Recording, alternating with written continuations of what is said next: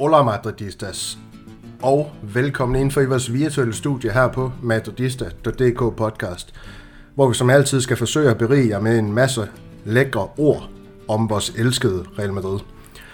Den uge snak bliver en lille kompakt bouillonterning, hvor vi skal drøfte de vigtigste temaer, spillere og sekvenser i kampen mod Getafe, hvor Real Madrid fik sin sag for, mod den her lille madrilenske forstadsklub.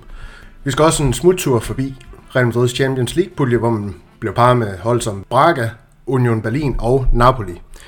Vi kan nok heller ikke undgå at fælde en dom over Real Madrid's transfervindue. Det ved jeg især, at en af vores paneldeltagere glæder sig rigtig meget til, hvor jeg ved, der er ja, generelt er store holdninger ja, til netop det her emne, og jeg har egentlig også valgt at sådan på falderæber, så spørge os øh, lytter ind til potentielle spørgsmål, der, der kommer lidt fra, fra Twitter. Ja. Så jeg ved ikke, om jeg har været derinde. Jeg ved, Jesper, han, øh, han lige har været derinde. Men, øh, Jamen, jeg har ikke noget at se, hvad, hvad der er blevet spurgt om, så... Øh. lad, os, lad os se, hvor vi, hvor vi står der, når vi øh, kommer dertil. Og så dagens panel, det består af ingen ringer end Oscar Gomes Svendsen og Jesper Frost Hansen, som I jo lige kort kunne høre, i hvert fald øh, fra sidstnævne. Og Oscar, føler du dig i øh, topform til at kunne levere nogle skarpe observationer øh, på dagens sådan forskellige art emner? Jeg føler mig i hvert fald topform. Om det, bliver, om det er ens betydning med skarpe observationer, det ved jeg ikke. Jeg mener jo allerede, at du har lavet en fejl i setup'et her, Daniel, ved ikke at, ved ikke at invitere, øh, ved ikke at invitere Niklas med, når nu vi skal snakke om Retaffe. Men, øh, men jeg skal prøve at, at gøre det ud for vores øh, skækkede ven fra Køge, så godt som muligt. Det, der er så fabelagt, det er, at Niklas øh, han kommer til at have en... Øh, han kommer til at have en rolle i den her podcast alligevel, for han kunne ikke dyse for at stille spørgsmål på Twitter. Så fuldstændig fremragende. Men, men Oscar, jeg får egentlig lyst til at spørge dig, fordi det er også lidt lang tid siden, altså. Og jeg ved, at øh, ja, du har i hvert fald et, et, øh, et meget, meget stort horn i siden på de her spillere, der, der rykker til Saudi-Arabien og vælger øh, pengene over, hvad kan man sige, kærligheden til fodbold, alt det her med fodbolden, den er ved at dø for øjnene af os. Men Sergio Ramos, han skifter tilbage til Sevilla og spansk fodbold. Altså, han er jo en legende i Real Madrid og, hvad kan man sige, spansk fodbold i forvejen. Men, men det her med, at han, han valgte kærligheden til fodbold over pengene, det siger vel også mig om, hvad for en person han er. Altså, det gjorde han også det, da han tog til Paris. det, det er et godt spørgsmål. Altså, altså der synes jeg jo allerede, at han øh, med sin exits fra Madrid allerede viste, at, øh, at penge var vigtigere end rigtig meget andet. Øh, så at, altså jeg vil sige, jeg vil sige, det havde han var en af dem, hvor det ikke havde chokeret mig, hvis, det, hvis han var taget til Saudi-Arabien. Så, så det skal selvfølgelig også ret skal være ret. Jeg synes, det er dejligt. Han tager tilbage til Sevilla med, med 18 års forsinkelse, tror jeg det var, og det er jo det skal nok blive en, øh, blive en smuk historie at se ham tilbage i, på, i den spanske liga, men, øh, men altså, jeg synes, han har vist med de gentagende kontraktforhandlinger, han også gjorde i sin tid i, i Real Madrid, at han, øh, han nok har gjort sit undervejs i karrieren for at, at lægge væk på det der med, med antal cifre på, på lønsedlen alligevel betyder en del. Ja, det er der måske en uh, fin pointe omkring. Men uh, han, ble, han skiftede altså til Sevilla, ikke Saudi-Arabien. Jeg kan mærke, at jeg bliver sur i dag. også har været bud efter. Jamen, det skal der også være plads til de her skarpe holdninger for dig, jeg det er godt nok. Jesper, der er taget en skilling ind i vores mobile paybox fra legendariske Jonas Ørtsholm for et par dage siden. Så for lige at sådan en stor tak i hans retning for, uh, for det første. Har, har, du så været forbi bageren efter brunsviger med flødeskum selvfølgelig? Øh, nej, det holder jeg mig langt fra. Jeg kan godt lide brunsviger, men ikke øh, hvis der skal flødeskum til. Det kommer jeg ikke Jeg tror faktisk ikke, man kan få på Fyn. Nej, man kan ikke, da man bliver hængt. Øh, bliver sat på jul og stejle, hvis man kommer ind til bageren af bageren der. Og det er kun rimeligt. Og Jesper, så lige for at tease lidt for den her transfersnak, og så blive lidt ved, ved Sergio Ramos i virkeligheden, så er Anders Johansen, det var det seneste indspark, der kom fra, fra Twitter. Han kunne godt øh, tænke sig at høre os, om vi kunne have tænkt os at se, øh, ja netop Sergio Ramos sige øh, i Real Madrid, og jeg tror lidt, det er en mindre den her skade til Militao, der ja, jo desværre ramte Real Madrid på et rigtig, rigtig øh, træls tidspunkt, der gør, at øh, ja, man må, om jeg så må sige, i anførselstegn tage til takke med de her Castilla-spillere, kun er bidrag med noget, eller var det simpelthen bare et lukket kapitel nu? Det er da et overstået kapitel. Det, det, det, det kapitel lukker han jo selv for nogle år siden, og jeg er ikke tilhænger af, at vi skal hente spillere tilbage, som har været i klubben og som selv ønsker sig væk. Øh, altså tidligere var det Cristiano Ronaldo, man ønskede sig tilbage, og Keylor Navas var også inde i billedet her i sommer, da øh, Thibaut Courtois blev skadet. Altså, det er spillere, der har haft deres tid i klubben, og, og, og vi skal videre, det skal de også, men det skal være i hver sin retning. Det, det det bliver sgu lidt for, for nostalgisk til mig. Det, Øh, det er ikke altid, at det går hånd i hånd med, med det sportslige fornuftige setup. Rammer sig for længst øh, over sidste salgsdato. Jeg, jeg, jeg håber, han bliver en gevinst i Sevilla, og, og, og vi får lidt glæde af ham, for, for La Liga har, har behov for profiler, men, men øh, lige netop øh, ham, han passer bedre ind i Andalusien i de her år, end han gør i den spanske hovedstad. Ja, Jesper, selvom du øh, rundede skarp hjørne for ikke øh, ret mange dage siden, så er du heldigvis ikke over sidste salgsdato, og vi kan nyde godt af dig, af dig nu. Det er fuldstændig fantastisk. Og mit navn det er jo det, øh, Daniel Andersen, og så synes jeg egentlig bare, at vi skal hoppe videre til den her, jeg ved ikke, om man kan kalde det en, en dom over transfervinduet i virkeligheden. Det her med, hvad der skete, eller hvad der måske ikke skete, Oscar. Kan du ikke, kan du ikke lige... Kan du ikke indlede med et eller andet om det her transfervindue? Din, sådan, dine holdninger til, til det, der er sket, eller måske ikke sket? Jo, øh, det kan jeg godt. Øh, og nu teasede du måske allerede lidt for det i starten, at, at jeg, der var en i panelet, som, som havde nogle skarpe holdninger i forhold til det her transfervindue, og det kan jeg nok ikke helt undsige mig, det er, det er undertegnet. Øhm, jeg synes overordnet set, at Real Madrid har lavet mange fornuftige ting på transfermarkedet. Det synes jeg er rigtig vigtigt at få sagt. Jeg synes, det er fedt, man har fået sagt farvel til spillere som, som Rodrigo Sola, som Mariano, som Eden Hazard osv. Altså nogle af de her spillere, som, som ikke gav nogen gevinster. Jeg synes egentlig også, det er forfriskende med nogle af de navne, de har fået ind. Det er selvfølgelig klart, at Jude Bellingham er en, er en kæmpe gevinst. Øhm, jeg synes også, der kan være noget fornuftigt, at han spiller som Brahim Diaz retur og så videre. Øhm, så, så på den måde synes jeg egentlig, at Real Madrid har gjort rigtig mange ting rigtigt. Øhm, Rosello synes jeg en til en er en god erstatning for en spiller som Mariano. Altså en, en god tredje angriber, fjerde angriber her i klubben. Sådan burde det være. Og det, og det er jo nok i virkeligheden der, hvor jeg så, så lander lidt på, at nu er der meget snak i amerikanske medier i øjeblikket om, hvorvidt de amerikanske politikere er for gamle til deres embede. Gennemsnitsalderen i amerikanske kongres er 65 år. Øhm, det er relativt højt jeg kan ikke lade være med at lave en en-til-en sammenligning fra den problematik, vi har i amerikansk politik i øjeblikket, til den problematik, vi efterhånden er ved at have med vores præsident. Altså det virker lidt som om, at den her aldrende, efterhånden meget aldrende herre, øh, Jesper, han er en af de få mennesker på planeten, der er ældre end dig, øh, har den her, øh, haft den her flereårige storm, hvad hedder, stormfulde forelskelse i Kylian Mbappé, som igen og igen og igen har gjort, at vi som klub åbenbart ikke kan foretage os noget offensivt. Vi er gået enormt langt tilbage kvalitetsmæssigt på vores angreb, kontra hvordan du så ud, da vi startede sæsonen 22-23, altså den sæson, som, som netop var overstået. Vi sagde farvel til en spiller, som vandt Ballon d'Or undervejs i en, i en sæson. Øhm, vi havde et angreb, hvor vi spillede mere fornuftigt, fordi vi spillede med brede kanter i form af, af Vinicius, som er klart er bedst på venstre kanten. Han er blevet ind centralt nu, for at skulle gøre plads for Bellingham. Det venter jeg jo i den podcast, øh, Jesper og jeg vi optog for en, for en måneds tid siden. Så reelt set så har man valgt med købet af Bellingham også at trække i hvert fald en af vores bedste spillere helt væk fra en position, øh, hvor han er bedst.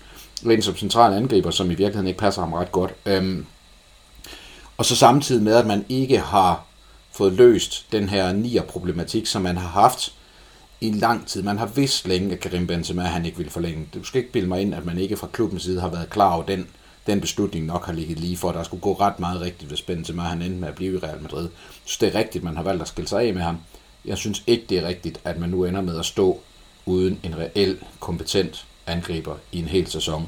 Fordi man har gået og ventet på Mbappé, og man har ventet på Mbappé, og man har ventet på Mbappé, og så har man åbenbart ikke ville foretage sig noget, samtidig med en klub som Barcelona, der ikke har en klink, altså de har færre penge på kontoen end en, end en, stu, hvad hedder det, end en student på SU i slutningen af måneden, og alligevel går ud og henter spillere som Joao Felix, Joao Cancelo osv. Ikke Gündogan for den sags skyld. Ikke sagt, at det er spillere, som vil forstærke os, men der sker noget. Det er faktisk en klub, der reelt set på trods af sine økonomiske kvaler, prøver at gøre et eller andet. Vi gør ingenting. Og det er bare nødt til at falde tilbage på en Florentino Pérez, som et eller andet sted ikke er den her opgave voksen mere. Øh, og jeg ved ikke, om han har for meget magt, eller om hvad pokker der sker. Men du skal ikke bilde mig ind, der ikke findes en angriber derude, som et Real Madrid har råd til, to som faktisk godt kunne tænke sig at spille i den spanske hovedstad. Øh, det harmonerer overhovedet ikke i min verden, særligt ikke med de føromtalte lønkroner, man har frigivet, blandt andet med, med at man har afskedet, hvad hedder han, øh, en spiller som Eden Hazard eksempelvis. Så, så der er et eller andet, der ikke hænger sammen, og der står vi bare som fans af den her klub rigtig meget som tabere, fordi vi kommer ind til en sæson nu, hvor vi skal være heldige, hvis vi vinder noget som helst. Det er jeg nødt til at sige, det er der, hvor vi står. Barcelona har en langt bedre angriber end os. Det er godt være, at Lewandowski er nede i en bølgedal, men selv nede i den bølgedal skaber han stadigvæk mere, og har stadigvæk mere sådan et højere topniveau end nogle af de angriber, vi har i truppen. Ja, Jesper, det er jo, det er jo skarp kritik rettet mod øh, Florentino Pérez, og, og ja, hvad kan man sige, det, det er jo et eller andet tid også et øh, samarbejde med, øh, eller det ved jeg sgu egentlig ikke, om det er i virkeligheden Carlo Ancelotti, men José Angel Sanchez og Calafate, der, der, der styrer det her transfershow. Øhm, du er jo du er jo lidt klubbens mand, Jesper. Du, du forsøger i hvert fald at nuancere de ting øh, mere end mig, om ikke andet, øh, med, med de her ting, der sker øh, på, på transfermarkedet, eller ikke sker. Du, du, du sendte en, øh, en grafik, kan man kalde det, øh, i vores interne tråd for, hvad er det, et par dage siden, øh, også i virkeligheden, hvor, hvor du sådan forsøgte at sige, jamen, det der hentede ind kontra det der, der, der ja, det er skiftet ud med. Øhm, problematikken med, med, med den grafik, det var jo netop bare, at Benzema, der har vi jo ikke fundet en erstatning. Så øhm, et eller andet sted, så jamen, jeg, jeg, jeg kunne egentlig godt tænke mig at høre dig, om du er enig i den her kritik, øh, Oscar han sådan generelt retter, eller, eller hvor du står hen i, jeg skulle næsten til at sige, det her magtværk Real Madrid, de har foretaget sig, fordi at det er jo ikke fordi, jo, det kan godt være, at det kom som overraskelse, at Benzema han ikke har lyst til at forlænge med et år med klubben, men et eller andet sted, så har du haft to, øh, du, så har man haft to måneder til at, til at reagere på det. Ja, ja jamen, altså, som jeg har sagt tidligere, jeg ville jo også rigtig gerne have, have haft en angriber. Jeg, jeg lovede jo faktisk også, at det ville komme en, men inden gang viste jeg, at øh, man skal sgu ikke regne med mig. Øh, øhm, der, der kom ikke den her angriber, og, og det er da selvfølgelig et problem. Øhm, jeg tror bare, man er nået til, til den erkendelse, at øh, han er sgu ikke lige på markedet i øjeblikket. Altså, Mbappé var ikke en mulighed. Jeg tror, jeg tror simpelthen ikke, at Florentino Pérez den her sommer her ville øh, tage det første træk. Han, han sad og ventede på, at Paris og Kylian Mbappé sagde, vi er interesseret i at lave et eller andet, kan vi finde ud af noget? Og det kom bare aldrig, fordi det ved de jo godt i, i den franske hovedstad, at, øh, at det koster penge, hvis de tager det første telefonopkald. Øh, så, så det var der ikke nogen af dem, der var interesseret i. Og, ja, og i øvrigt generelt i tvivl om, hvor, hvor interesseret Kylian Mbappé overhovedet er i at komme i, til, til Real Madrid. Det må jeg bare sige med, med den øh, opførsel, han har haft øh, de, de sidste år. Så er der Haaland. Jamen, han er jo håbløs. Umulig at hente i, i Manchester City. Han har været der et år, han har vundet alt øh, med dem. Øh, er hos en træner, han godt kan lide. Altså, det er jo en, en umulig tank. Så var der Kane tidligere på, på sommeren, øh, hvor man skulle i et gevaldigt slagsmål med, med Levi i Tottenham for at, at hente ham. Det lykkedes Bayern München, øh, fordi de godt ville tage den kamp. Der er jeg lidt i tvivl om, hvor meget Real Madrid egentlig ville tage den kamp øh, for at få Kane, øh, fordi jeg, jeg tror faktisk, at at man venter lidt på, på Endrik, og så, så har man en tro på, at uh, Jude Bellingham er den spiller, der kan gå ind og lave de 20 mål, og, og jeg må sige, efter den start, han har fået, jamen hvorfor skulle han ikke kunne det? Sidste år blev La Liga-topscoren øh, Lewandowski med 23 mål. Altså, hvorfor skulle Bellingham ikke nå op i, den der, i nærheden af det tal? Det kan jeg simpelthen ikke se, at det ikke skulle være muligt, øh, fordi han har en helt vanvittig placeringsevne, og han, han har en position på banen, hvor han kommer ind i feltet masser af gange. Øh, så jeg kan sagtens se ham øh, gå op og lave øh, plus 20 mål, og så, så er den der angribersnak jo lige pludselig ikke så akut, øh, som, som den ellers ville være. Jeg synes også, øh, en spiller som Rodrigo, han har godt nok ikke lavet så mange mål, men han er blevet mere farlig omkring feltet, end han har været i, i eksempelvis sidste sæson. Altså, der, der kommer mere fra ham. Vi skal have noget slutprodukt på, han skal lave nogle flere mål. Men, men han, han skaber noget plads, øh, fordi han, han netop er farlig med, med hans driblinger. Så, så jeg tror, at jeg tror ikke, vi kommer til at, at hvad hedder det, mangle mål, som man kunne frygte. Øh, vi skal nok score de mål, der skal til. Øh, Problemet er, at jeg synes ikke, vi er stærke nok til at vinde Champions League. Der, der synes jeg, vi mangler lidt. Men, men jeg fastholder, at øh, den trup, vi har nu, den er rigeligt stærk til at vinde det spanske mesterskab. Det kan jeg simpelthen ikke se, hvorfor det ikke skulle være muligt. Jeg synes, vi, er, vi har en trup, der er væsentligt stærkere end sidste sæson i forhold til bredden. Altså, vi mangler lidt øh, kvalitet på, på angriberpladsen, og så er vi jo handicappet af, at Courtois er, er blevet, blevet skadet, og vi i går som kun har fået kæp herinde. Og, men, men jeg synes, Ancelotti har flere muligheder fra bænken, end han havde sidste sæson, fordi der havde du fire gange dødvægt siddende derude, som ikke havde en jordisk chance for at komme på banen, og hvis det endelig gjorde, så bidrog de med intet som helst. De er elimineret nu og, og komme erstatte med spillere, som, som rent faktisk kan, kan komme ind og bidrage med noget. Og det kan godt være vores mulighed i forhold til sidste sæson. Og skal du få lov til at rulle ud? Jamen, hvor skal jeg starte den, Jesper? Øh, Øhm, jeg synes jo, reelt set har du jo en, re- en rigtig god pointe i, at Real Madrid naturligvis ikke skal tage det første indledende kontakt, kan man sige, i forhold til den her... Øh, hvad hedder det? Så er der fandme kaffe med Vallejo igen, du. Hvad hedder det? Øh, at øh, Real Madrid ikke skal tage den indledende kontakt i forhold til, øh, til Paris, fordi det jo netop ender med at koste ekstra. Den del er jeg, ret, er jeg enig i. Men jeg forstår ikke, at Real Madrid ikke har haft en cut-off date, der ligesom har heddet den 20. august, eller hvad ved jeg har sagt. Nu er der 10 dage tilbage af det her transfermarked.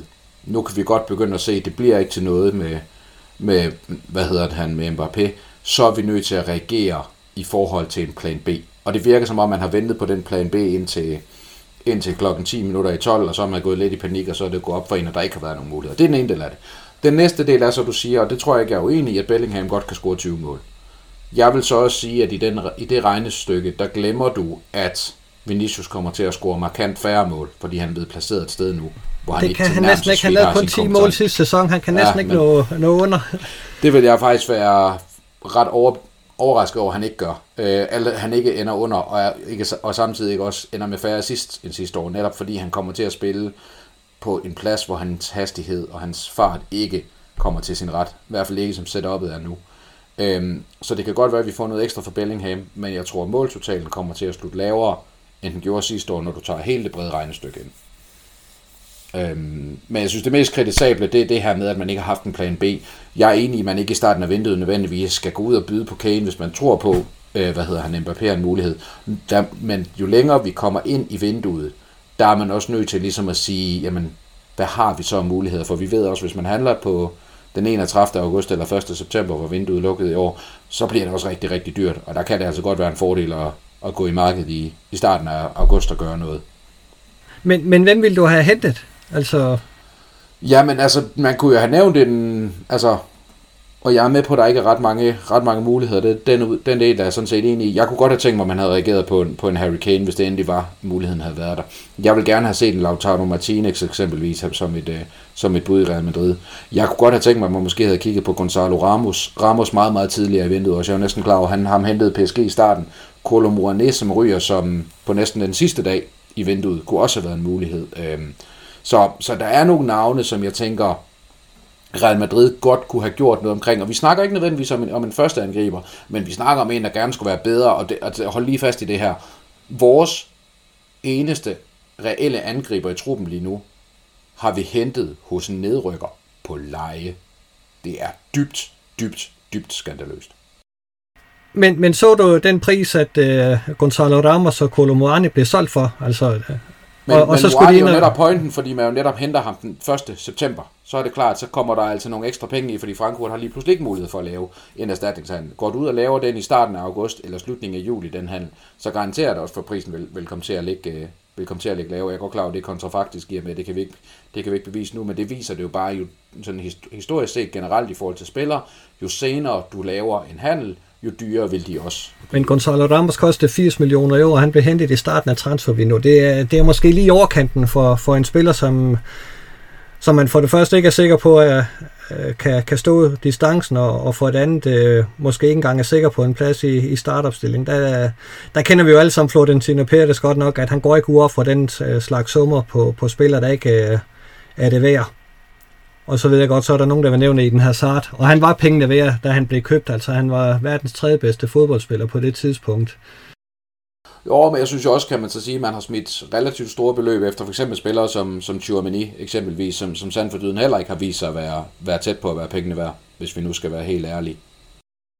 Jeg, jeg, tænk, jeg, tænk, jeg tænker, jeg laver lige en uh, værtsbeslutning, for jeg vil egentlig også gerne høre mig selv lidt, så vi, vi, vi stopper den lige her, en, uh, og så kan det være, at vi kommer til at snakke om Chouamini uh, her lige om lidt. Det kunne jo være, der var et, uh, hvad ved jeg, lytterspørgsmål.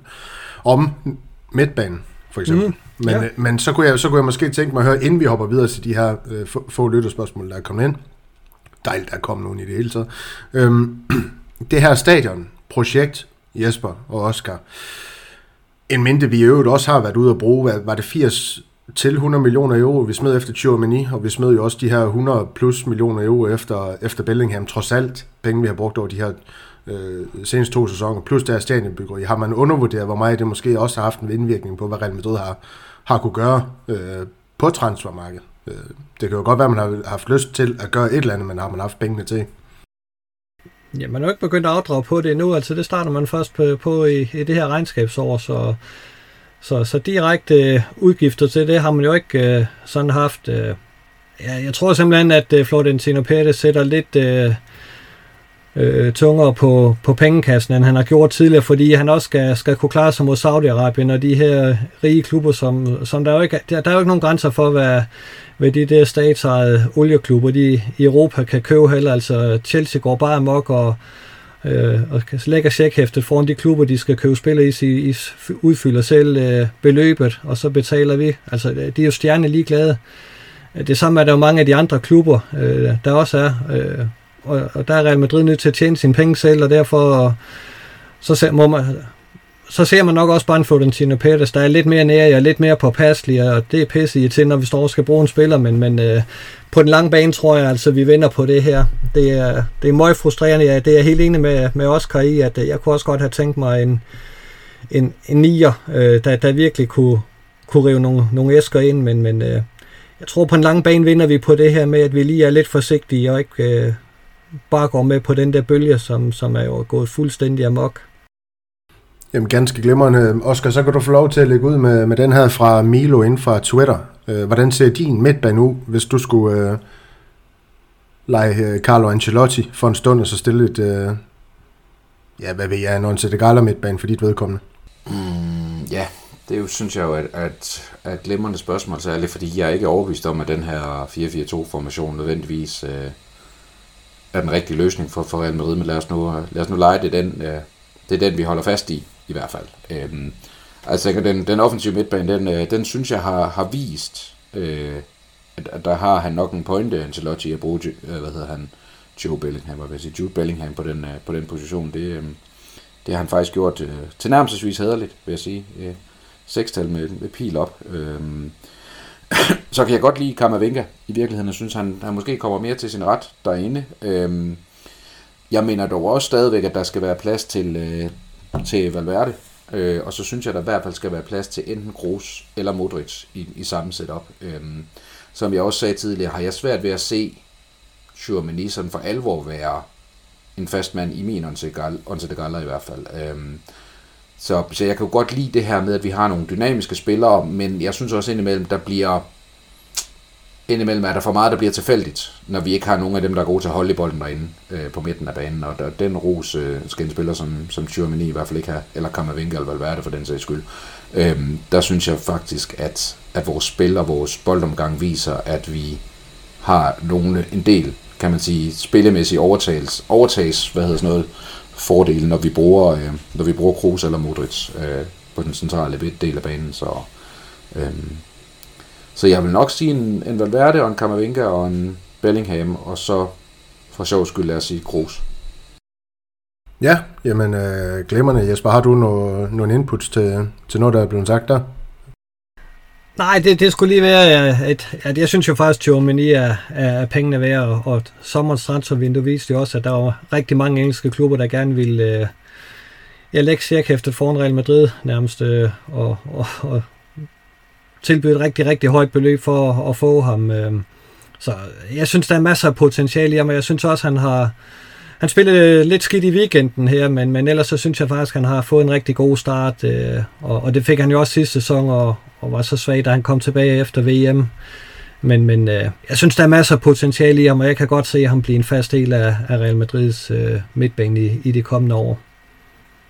Og jeg synes allerede, at han er det faktisk. Jeg synes, han skal være en del af, af af den her midtbane. Jeg glemmer det. Jeg håber, Milo han kunne bruge jeres svar til, til et eller andet. Så har vi en eller anden person derinde der hedder Niklas Bensen. Uh, han, han skriver noget med vores nuværende angreb, altså med Roselu, uh, Rodrigo og Brahim med Vinicius ude af billedet. Hvordan vil du rangere det i La Liga? Åh, oh, Gud. Um, ikke godt. Skal vi ikke sige det sådan? Men, men et eller andet sted kan man også sige, at det er jo symptomatisk for La Liga, at det jo alligevel vil være altså næsten et top 3 angreb stadigvæk, øh, sådan i den, i den spanske liga, men, men på europæisk plan, hvor jeg tænker, det er relevant, som Jesper også siger før, i forhold til Champions League, altså, der er det jo i bedste fald godt nok, godt nok til en øh, Europa League-gruppespilsplads, øh, altså, det er med ikke særlig imponerende. Øhm, og, og mest af alt, fordi man kan sige, Brahim Dias har jeg store spørgsmålstegn ved, jeg synes, det er fint, at som jeg sagde tidligere, at man giver ham chancen, men det burde heller ikke være en spiller, vi skal lægge vores, øh, kan man sige, vores sæson, øh, sæsonsucces på skuldrene af. Rodrigo er jeg meget, meget vild med, men jeg mangler stadigvæk at se ham gøre, øh, gøre ret meget øh, sådan, gør ret meget væsen af sig over en længere periode. Øh, og Bellingham giver selvfølgelig sig selv. Øhm, og så vil jeg så sige, bare lige for at forlænge dit spørgsmål, Daniel, lidt, at, at selv hvis vi så tog Vinicius tilbage og fjernede en af de andre, jamen så synes jeg stadigvæk ikke, at vi nødvendigvis har et, et topangreb i, i europæisk forstand. Nej, det... Øh... Jesper, jeg forventer egentlig ikke, du, du er så meget uenig, selvom at øh, du postulerer, som jeg er enig i, at øh, det også sagtens skal være nok til stadig at, at vinde La Liga, i, i mindre den konkurrence, der, der ikke er i den bedste spanske fodboldrække lige nu. Øhm.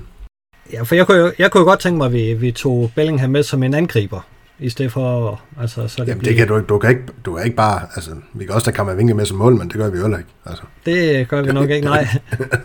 vi er jo ikke bare... Men, men Bellingham kommer til at, at lave det antal mål, som Benzema så ikke øh, laver mere, og som vi ikke har hentet den. Jeg tør næsten godt lægge hovedet på blok og sige, at han laver plus 20 mål.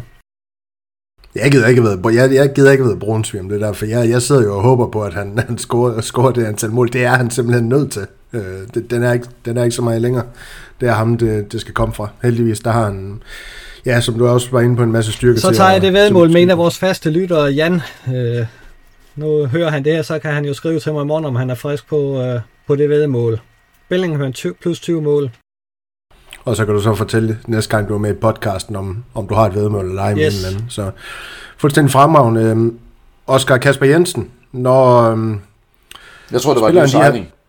Nej, nej, når spilleren de har vendt sig til den her nye opstilling, den her smal 4-4-2, som jeg har, i hvert fald har valgt at kalde den, tror du så på, at truppen er stærk nok til at kæmpe med om alle titler. Jeg synes ligesom Jesper, han har svaret på, at truppen er, er stærk nok til at kunne kæmpe med om øh, La Liga, men der er også noget Copa del Rey, og der er noget, ja, den spanske Supercup, vel i virkeligheden i Saudi-Arabien og, og noget Champions League.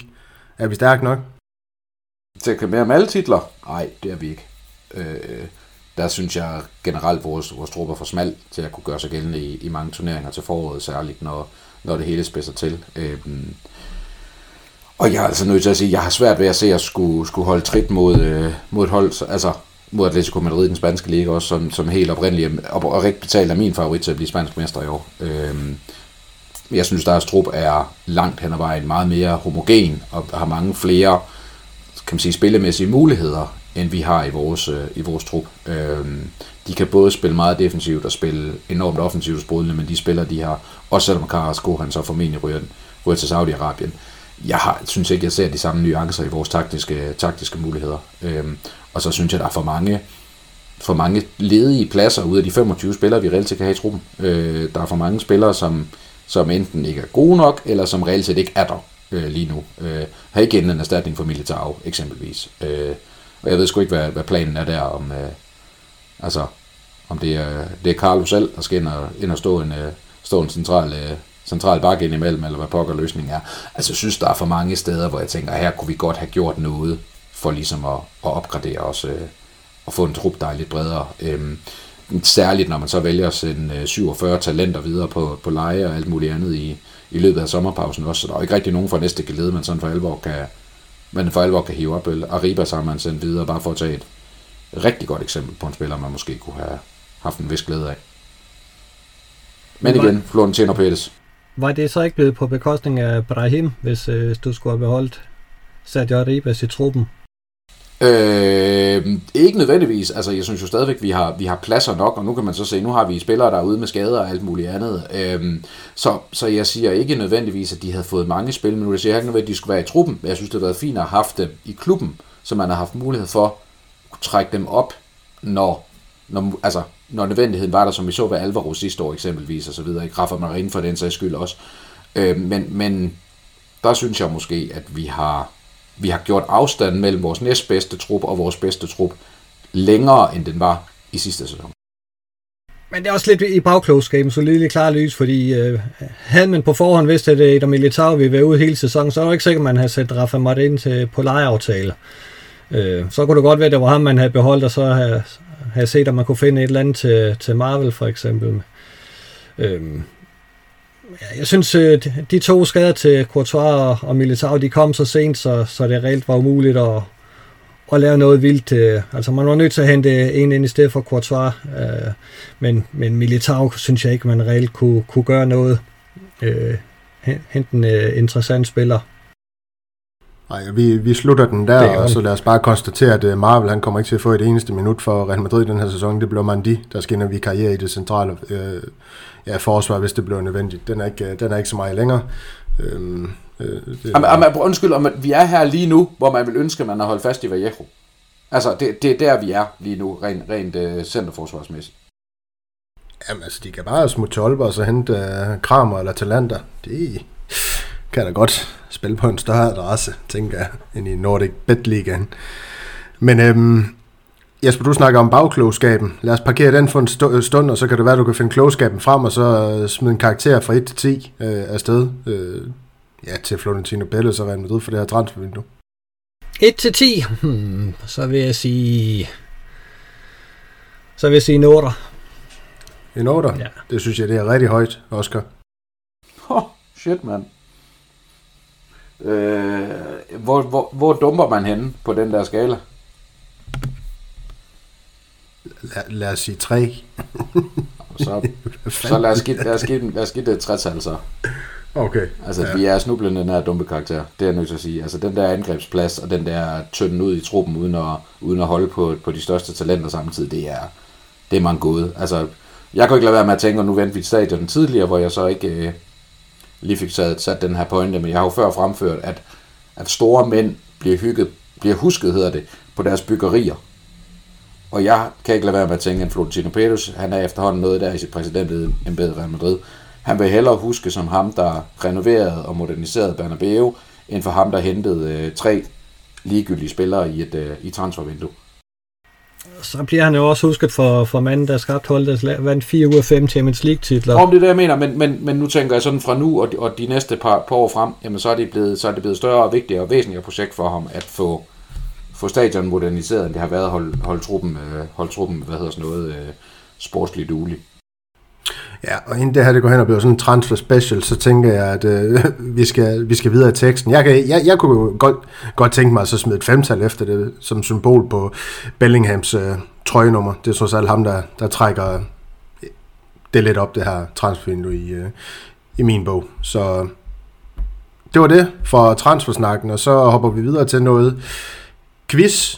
Vi skal jo videre, Oscar. Sådan er det jo. Ja, ja, ja. ja. Øhm, som indledning til vores øh, nedtagt om øh, ja, den her kamp mod Retaffe, som jeg håber, vi kan holde lidt kortere end det, der lige foregik øh, før, så har jeg været nede i skrivebordskuffen efter ja, de her mere skæve statistikker for kampen, som jeg glæder mig til at teste jer lidt i. Oscar, jeg ved jo især, at du har set øh, kampen øh, mere end en gang, så...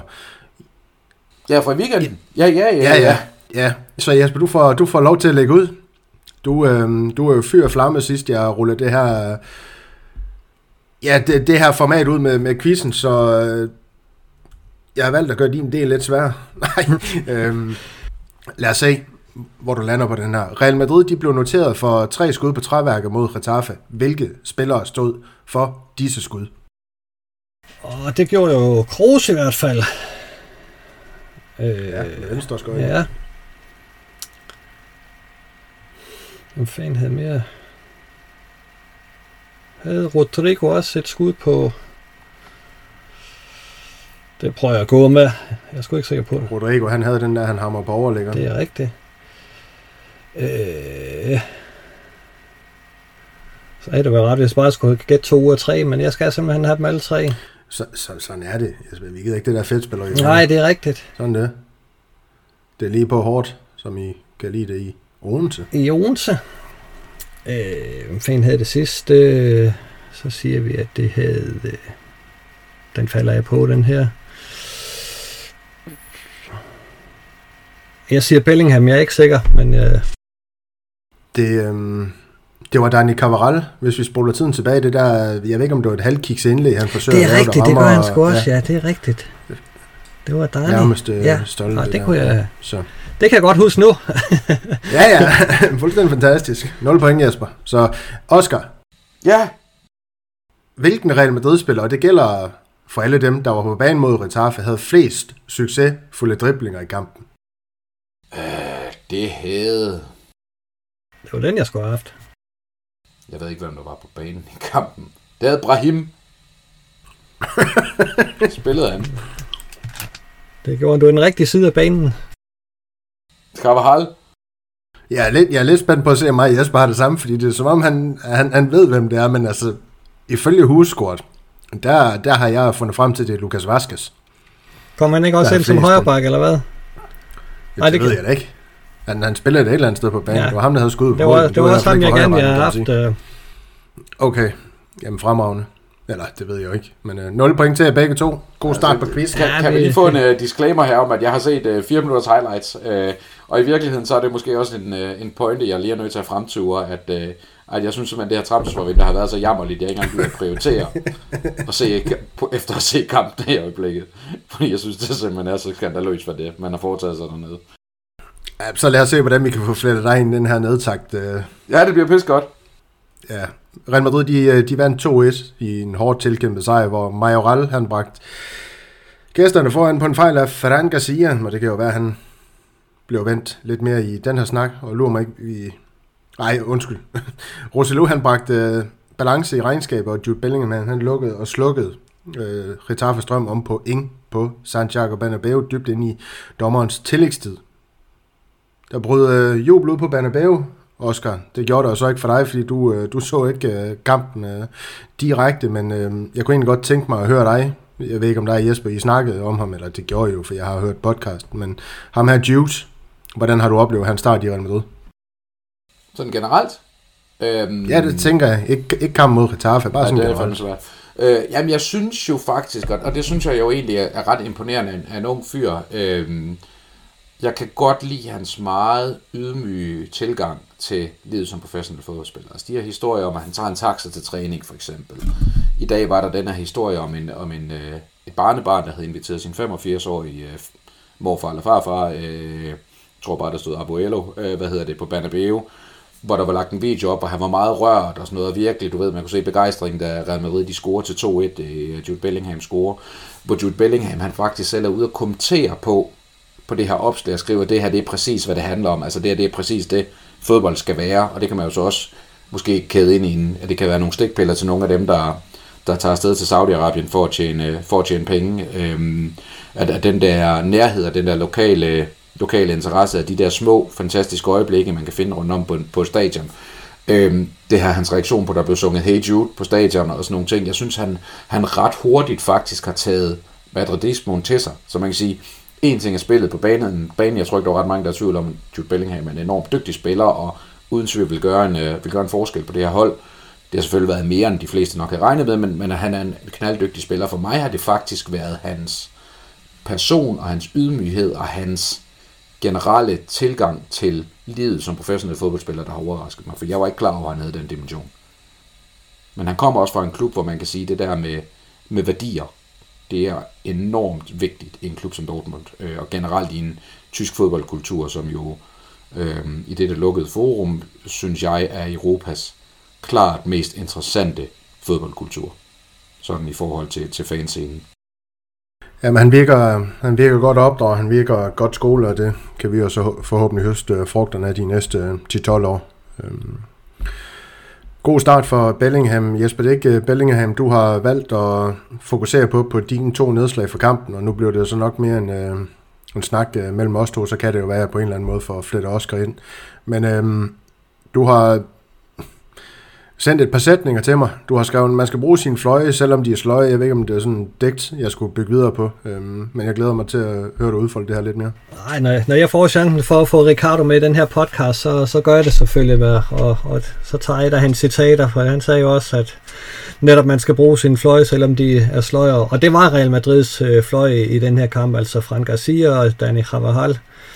Og hvis de dog bare kunne slå nogle indlæg, der kunne ramme en, en medspiller. Frank Garcia gjorde det i, i første halvleg en enkelt gang, hvor, hvor Jose, Rosello skulle have scoret selvfølgelig, men, men det år så var det helt ekstremt hæsligt at se de der indlæg, der bare ramte ind i Retafe-spillerne konstant, at man ikke uh, kunne slå en præcis aflevering, fordi så kunne vi have lukket den kamp meget før. Det er noget, der skal uh, arbejdes på, fordi mit næste punkt, det var Rosello, uh, øh, at man skal jo ikke spille ham på samme måde, som man spillede Benzema lige i fødderne, øh, og, og forvente, at, øh, at han kan, kan vende rundt og, og gøre noget farligt med den. Det er ikke den måde, man gør ham øh, farlig på. Så der skal man have fundet nogle, nogle løsninger, øh, som, som man spiller Rosello stærk, fordi ellers så kan han hurtigt blive en klods som ben på det her Real Madrid-hold. Og det, det lykkedes i anden halvleg at få ham øh, spillet ind, synes jeg. Men i første halvleg, der, der var han ikke meget bevendt, øh, for, fordi man simpelthen, vi har ham med i, i det opbyggende spil, og det, det skal man holde sig fra. Men det blev hurtigt, det blev hurtigt en, en svær balancegang på en eller anden måde, fordi ind centralt, der vil jo også gerne have Rodrigo i spil, så på den måde, der skal spille jo ind der omkring, og jo, Roselu, han er jo også der, fordi han, er, han var til jo Vinicius' plads lige nu, men det er jo bare for at sige, det er jo, det er jo opspilsmønster, der på en eller anden måde også øh, går den vej. Rodrigo, han var jo også super meget på bolden. Det, det viser de her ni afslutninger, han havde, hvor så en kun øh, er inden for rammen. Det er jo, ja, det er jo et kritikpunkt i, i sig selv i virkeligheden. Øh, Jesper, men jeg kunne godt tænke mig, fordi at lige i forhold til, så du, du må gerne kommentere på det, jeg siger, men, men altså det her med de her sløje fløje, øh, Cavaral, han, han har jo høstet store roser i hvert fald af Carlo Ancelotti efter kamp, hvor han siger, at den her udgave af ham, det, det findes ikke øh, ja, ja, bedre på markedet. Øh, men, men det du så ikke egentlig kan, kan jeg forstå, du, du er ikke imponeret af det, han... han ja, jeg, synes ikke, han, jeg synes ikke, han var god offensivt. Jeg synes, han havde mange fejlafleveringer, og jeg synes også, han indimellem øh, lavede noget, noget dumt defensivt. Jeg synes, hans, hans, hans sæsonstart kan han godt være bekendt. Det, det, der synes jeg ikke, at jeg, at jeg sætter frygt, at vi ikke har en, øh, en anden øh, højre bak. Øh, der, der, det synes jeg, han har sluppet hederligt fra. Øh, også faktisk mere end hederligt, men, men øh, han har stadigvæk sin, sin energi, og, og den klarer han sig igennem øh, øh, på et langt stykke hen ad vejen i den her kamp her, synes jeg. Øh, når det sådan bliver mere fejnsmækagtigt, så, så synes jeg, at han falder lidt igennem. Øh, men men øh, en, en stor arbejdsindsats, øh, det skal han jo have, øh, øh og, og det kan man jo altid bruge, når, når det ikke øh, vil lykkes øh, det finurlige, så, så må man trække i arbejdstøjet, og det er han jo altid klar på. Jamen Oscar, hvad tænker du om alt det her? Fordi at, øh, man kan jo sige, når vi spiller den her smal 4-4-2, så, så kræver det jo en del af de her mm, baks og... Hold da kæft. Og Cabral, han er jo sandt for ikke været øh, berømt for at slå gode indlæg øh, de seneste mange år. Vi har Frank Garcia, der, der i kamp mod Retaffe, som du jo ikke så, spillede en redselsfuld første halvleg og kostede øh, et mål. Øh, Altså, altså den her start, det, det, det er vel også... Øh, jeg ved ikke, hvordan du har oplevet den. Altså, det, det er vel bekymrende i forhold til, til den her taktik, som Carlo Ancelotti, han, han, han lader til at vil, øh, vil praktisere i den her sæson. Yeah, jeg synes også, det er tidligt at fælde dom. Altså, mm. det, det, det synes jeg også er en, er en væsentlig pointe. Um, og, og jeg er med på, og nu med far for at gentage mig selv, jeg er med på, at ankomsten af, Joe, af Jude Bellingham, jeg ved ikke, hvorfor han hedder Jude Bellingham, ankomsten af Jude Bellingham også har gjort, at Ancelotti har valgt den her taktiske ændring til den her smalle 4-4-2 for at få plads til ham på den offensive midtbane. Og det er jo ret svært at være en kritiker af det. Øh, men, men det er også alligevel et relativt voldsomt formationsskifte i forhold til, hvad vi, er, hvad vi har været vant til. Og det tager tid, øh, og jeg synes godt, man kunne se det, i hvert fald i de kampe, jeg trods alt har set i år, at, at der er rigtig mange løbemønstre og, og automatismer, der ikke eksisterer i øjeblikket. Øhm, og, og, og det kan jeg godt være bange for, sådan bliver et, bliver et problem, når vi skal møde nogle svære hold.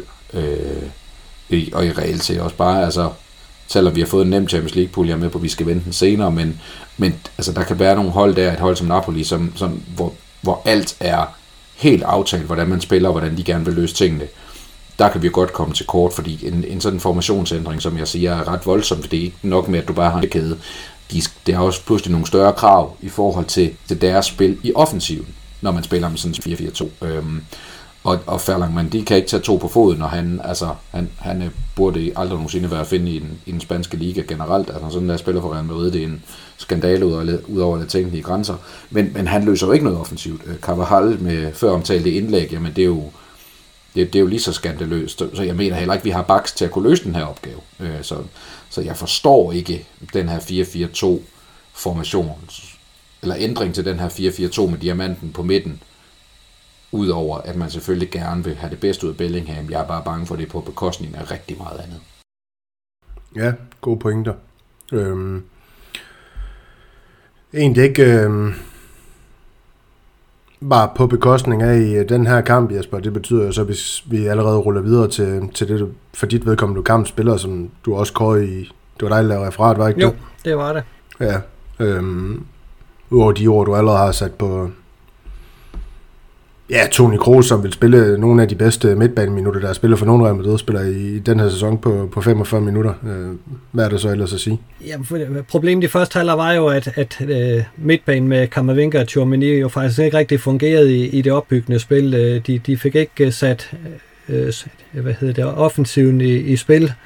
Uh, og det gik alt, alt for langsomt, uh, uh, og det kom Toni Kroos jo ind og ændrede, fordi han nemlig kan lave nogle, uh, nogle uh, skift uh, øh, med, med sine afleveringer og, og generelt øh, hurtigere spilforståelse. Så, så han kom ind og fik lidt styr på den her midtbane og, og gjorde, at, at Real Madrid fik et, et større overtag og lidt mere styr på kampen, øh, så man kunne, reelt kunne lægge et, et pres, som, øh, som stressede Getafe, fordi de blev jo ikke stresset i første halvleg øh, til nogen særlig grad.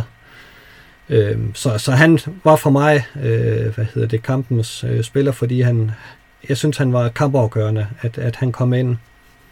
Det kan vi da godt sende en lille hilsen til Malte om, at det var Carlo Ancelottis genialitet, så kan han sætte ras lidt over det, når han hører det. Ja, det vidner de her, jeg tror det er syv nøgleafleveringer, han har over de her 45 minutter i anden halvleg, plus selvfølgelig dommerens tillægstid. Altså, jeg synes, det, det, det er ganske imponerende, at man kan komme ind på den måde og, og, og vinde kampen, og det er selvfølgelig ikke noget, der burde overraske nogen af os, at Toni Kroos er i stand til den slags. Det er ikke også der har været ude med, med riven efter tyskerne, det, det er andre folk, der har travlt med det. En anden tysker, Jesper, du øh, var ude med riven efter i også dit referater, som du har valgt at give badebolden til øh, i den her omgang. Antonio Rüdiger, jeg tager ikke fejl, vel? Øh, jeg havde jo også et måske andet bud, det var Frank Garcia, som lytteren jo nok har kunne fornemme. Jeg var ikke helt tilfreds med det, han leverer på hans 45 minutter, men der var nogle sekvenser af anden halvleg, hvor at, øh, Rüdiger han i hvert fald heller ikke havde hovedet med. Ja, for, fordi når man kan få selv Carlo Ancelotti til at ryste opgivende på hovedet ud på, på siden, så ved man, at man har lavet noget virkelig skidt, og det gjorde han. Altså han var jo alt for, for øh, hvad hedder det, øh, frembusende med sine øh, afleveringer og afslutninger, hvor, hvor han lige skal, skal få lidt ro på og, og, og spille bolden mere fornuftigt rundt. Øh, havde det så bare været ved de to sekvenser, så kunne det have gået med det. Jeg synes, øh, den takling, han laver på øh, Majorel i, i slutningen af første halvleg, den skal jo reelt øh, set koste et, øh, et rødt kort, øh, fordi den, den har ikke ret meget med fodbold at gøre. Og det er jo helt åndssvagt nede øh, 0-1 at lave øh, sådan et frispark i en helt øh, ufarlig situation. Det synes jeg er aldeles tåbeligt at risikere at sælge sine holdkammerater. Øh, så, så jeg synes, øh, han er set væsentligt bedre, og, og, øh, og, og, og jeg er jo sgu bare ikke særlig imponeret over ham øh, øh, i, i den her kamp, så, så han endte med, med den der, jeg var øh, kan så sagtens følge, at Frank Garcia, den fejl han laver, at, at den kunne også godt have kostet øh, den kunne også godt have kostet lidt øh, på, eller give ham øh, badebolden, men, men øh, den gik til Rydiger den gang her. Ja, ingen indvendinger. Det kunne også godt øh, være Rydiger, og det blev det jo så. Øhm, Oscar, ud fra den 4 minutters øh, højdepunktspakke, du fik øh, set øh, ja. på den kamp her. Hvad, har du så nogle afsluttende ord? øh, det der er glædeligt, at vi trods alt vinder øh, selvom man jo ikke skal læse ret meget øh, spansk presse for at læse, at vi har spillet som en pose nødder.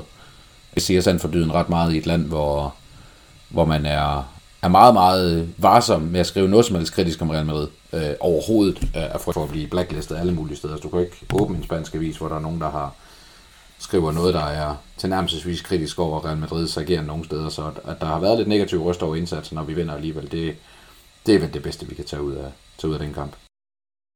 Ja, må vi vandt over de her... Ja, jeg ved ikke, hvad man skal kalde dem.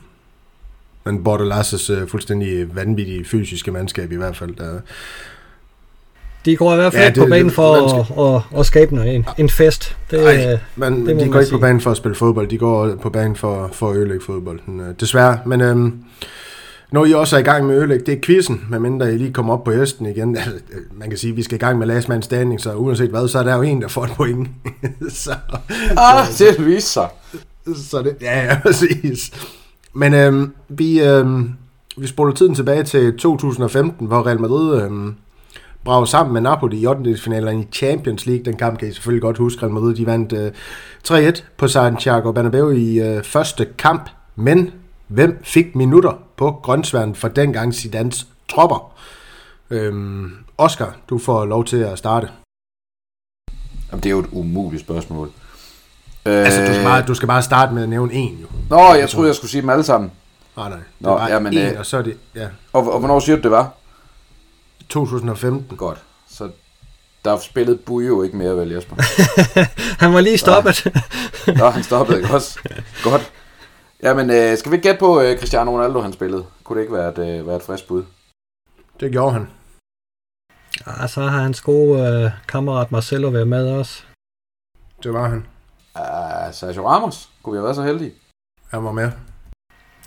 Så er Cristiano, Cristianos anden gode kammerat Benz var også med. Benzema var også med. Ja, det var han vel. Oha, kan vi have, kan vi have været så heldige, at uh, Gareth Bale har spillet? Er det dit endelige svar? Ja. Er du sikker, Oscar? N- nej, det gjorde Modric. Modric, han spiller, ja. Fedt, det var det, jeg mente. Ja, de kom fra samme klub, så, så jeg kan godt forstå, at du blev lidt i tvivl om, hvem der er hvem. ah, så skal vi jo... Øh... Er det Niklas, der har lavet den her øh, quiz her, siger du? Nej, det er mig. Ja, det er dig. Storte quiz. Men øh, vi siger, at øh, Peppe har været med også. Er du sikker, Jesper? Nej, det er jeg ikke. Carvajal. Kammerat, han var med? Ja, det var ham, jeg mente. Okay. Det var ham, jeg mente. Åh, oh, Gud. Nå. Er det så mig igen? Ja, ja. Fuck, jeg troede allerede, vi var færdige. Nå, øhm... Peppe var ikke med. Det har jeg ikke sagt noget om. Var Metzelder med? Nå, øh, Kæler Navas. Ja, Kæler, han var med. Altså, jeg har ikke sagt, at Pepe ikke var med. Jeg har bare spurgt, om han var sikker. Nå, okay, godt så. I øvrigt det samme med Bale, så... Ja, men det er da også rigtigt. Er du overhovedet sikker på, at de Real Madrid mødte dem i 2005? Nej. Kroos, siger vi. yep. Yes. Jeg tror ikke på, at de mødte dem i 2015. Nå, ja, men åh, nu er vi ved at løbe tør for spillere. Øhm, hvad? Vi har seks tilbage. Shit. Med hvem? Øh, hvad hedder det? Hvad med... Det, det, det, det, det. Hvem fanden har de mere haft med der? Casemiro! Fuldstændig korrekt. Du var ham, der skudde det der langskud. Helt flugter. Præcis. Mhm. Mm-hmm. Fem spillere tilbage. Hvis du så lidt har sagt, at Peppe ikke var med, var det så Nacho Monstro, der var med? Jamen, jeg har jo ikke sagt, at Pepe ikke var med. Nej, jeg siger, at Nacho var med. Og det er du sikker på? Ja, det skal jo stoppe et sted. Så Okay, men det, stop, det stopper så der. Uh, Nacho, han var ikke med. Øhm, var Peppe rent faktisk med, så. ja, han kom ind fra bænken, Nå. Pepe. Nå, jamen, jeg var, altså... Sport bare, om du er sikker, Jesper. Var Bale med? om. Nej, Bale var ikke med. Var Isco med? Varane, Rames, Og Varane, Morata. ja, ham, ham havde vi også engang. Ja. Ja. Isco? Nej, Rames, Morata, Pepe og Vasquez. Nå. Så øhm, Det var jo en stensikker sejr. Det var det. jamen, det var det. det. Det var det. Der er, ikke, øh, der er ikke så meget at sige til det. Så Jesper, man kan jo ikke vinde hver gang. Er det ikke sådan? Det skulle stoppe et sted, og jeg synes, det var på tide, at det stoppede. Ja. Og jeg har jo egentlig også lyst til at lukke og slukke for den her podcast, men øhm, skal vi ikke... Uh, lige den her CL-pulje, hvor vi er blevet par med Napoli, Braga og Union Berlin, nu har jeg jo...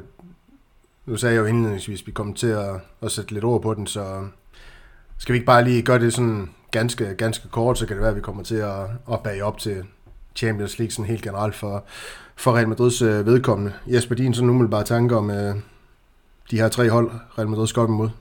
Jamen, det, det er jo en drømmelodtrækning. Altså, øh, når man tænker på, hvad, hvad vi kunne have trukket fra, fra første sidningslag, øh, så er Napoli jo, på trods af, at de er italienske mestre, suveræne italienske mestre, så er de jo øh, i en kategori, hvor man siger, at, skal, at, at dem skal vi kunne slå, og Braga Union Berlin, øh, det, det bør ikke være noget problem. Det er dejligt, at, at vi har trukket Union Berlin, så vi kan komme ned og se noget fodbold. Det, øh, det glæder jeg mig til og, og håber øh, og forventer, at vi kan få billetter til det. Så, så, så det glæder mig til, at, øh, at vi skal en tur til, til Berlin og se lidt bold.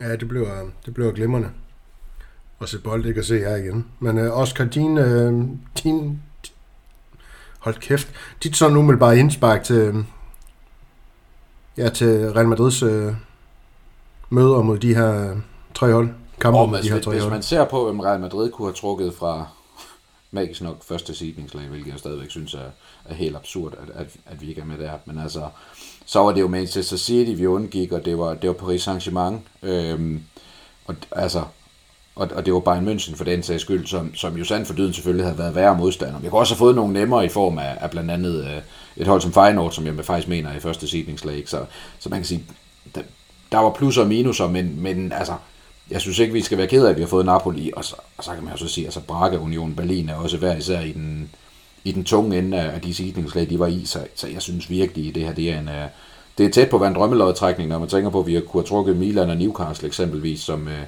som altså har været noget sværere hold fra, fra de der sidningslag, så, uh, så jo, alt i alt, alt i alt rigtig, rigtig fint. Glæder mig faktisk over, at vi ikke trækker FC København. Uh, jeg synes, de har en tendens til at være rigtig irriterende. Øh, og, og det der frygten for at skal tabe eller sætte point til mod dansk hold, den er også øh, meget irriterende. Øh, og de har jo trods alt haft en tendens til at tage point fra både hold som, som Barcelona og, og så videre, ikke? så øh, City vidste den der også i seneste sæson. Så, så det, øh, jeg synes, det ser, det ser rigtig fornuftigt ud, og, og reelt set, så vil jeg sige, jeg kunne forestille mig, at vi står med 15 point, når sæsonen den er overstået. Øh, eller Champions League-sæsonen, ikke ikke den spanske liga. Når Champions League-sæsonen den er overstået. Ja, man ved sgu ikke med det her pis, Florentino Pedersen lavede, men det er i hvert fald Champions League. Altså, det, skulle, det skulle ikke undre mig, at vi ender med at smide øh, tre point øh, på øh, Estadio Santiago øh, Maradona mod, øh, hvad hedder det, i Napoli, eller hvad pokker det hedder, det der stadion derovre. Øh, så hvad hedder det, det tror jeg bliver en svær kamp på udebane i Italien, men derudover så skal vi vinde de resterende fem, øh, så, så jeg tænker egentlig, at, at den er sådan rimelig, rimelig lige for. kommende gruppespil, Jesper, øh, din forudsigelse på, hvordan øh, Real Madrid de så kan, de så kan overføre et overkommende gruppespil til knockout-fasen. Hvad, hvad, hvor langt spår du dem til at komme? Med en ordentlig lodtrækning kan vi sagtens gå til semifinalen igen. Jeg tror, så begynder det at blive lidt, lidt vanskeligt, men øh, Manchester City og, og Bayern München er, er de hold, jeg sådan i gåsøjne frygter, fordi dem, dem synes jeg er et godt hold. Jeg frygter ikke et hold som, som Paris, den tror jeg godt, vi kan slå igen. Øh, øh, så med lidt lodtrækning kan vi godt nå langt, men, men om vi kan nå helt til, til tops, øh, det, vil, det vil kræve lidt, lidt held også. Men det har vi haft før, og med stor fornøjelse. Ja, ja, naturligvis også. Og jeg har også til kvartfinalen. Hvad, hvad siger du? Ej, jeg tror en, en semifinal i Europa League kan vi vel godt. Nej, jeg vil også, øh, jeg vil også gætte på, øh, jeg tror ikke kvartfinalen er helt, er helt skævt. Omvendt kan man sige, jeg synes faktisk, og jeg ved ikke lige, hvad der er sket, men jeg synes, når man kigger ned over de hold, der er med i Champions League i år, så synes jeg på en eller anden måde, den virker, den virker knap så skræmmende, som den har gjort nogle af de andre sæsoner faktisk. Og ligesom om, at der er nogle hold, der mangler, jeg kan ikke sætte en finger på, hvem det er.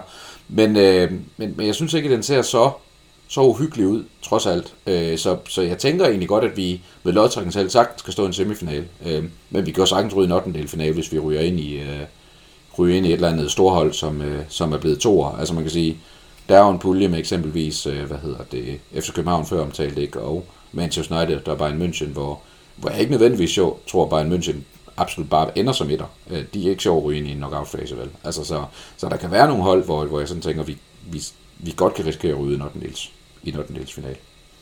Øhm, og så synes jeg også, hvis, hvis jeg lige må have den del med, ikke? Altså, vi starter jo hjemme mod Union Berlin, øhm, og så skal vi til Napoli allerede i kamp 2, som jeg sagde før.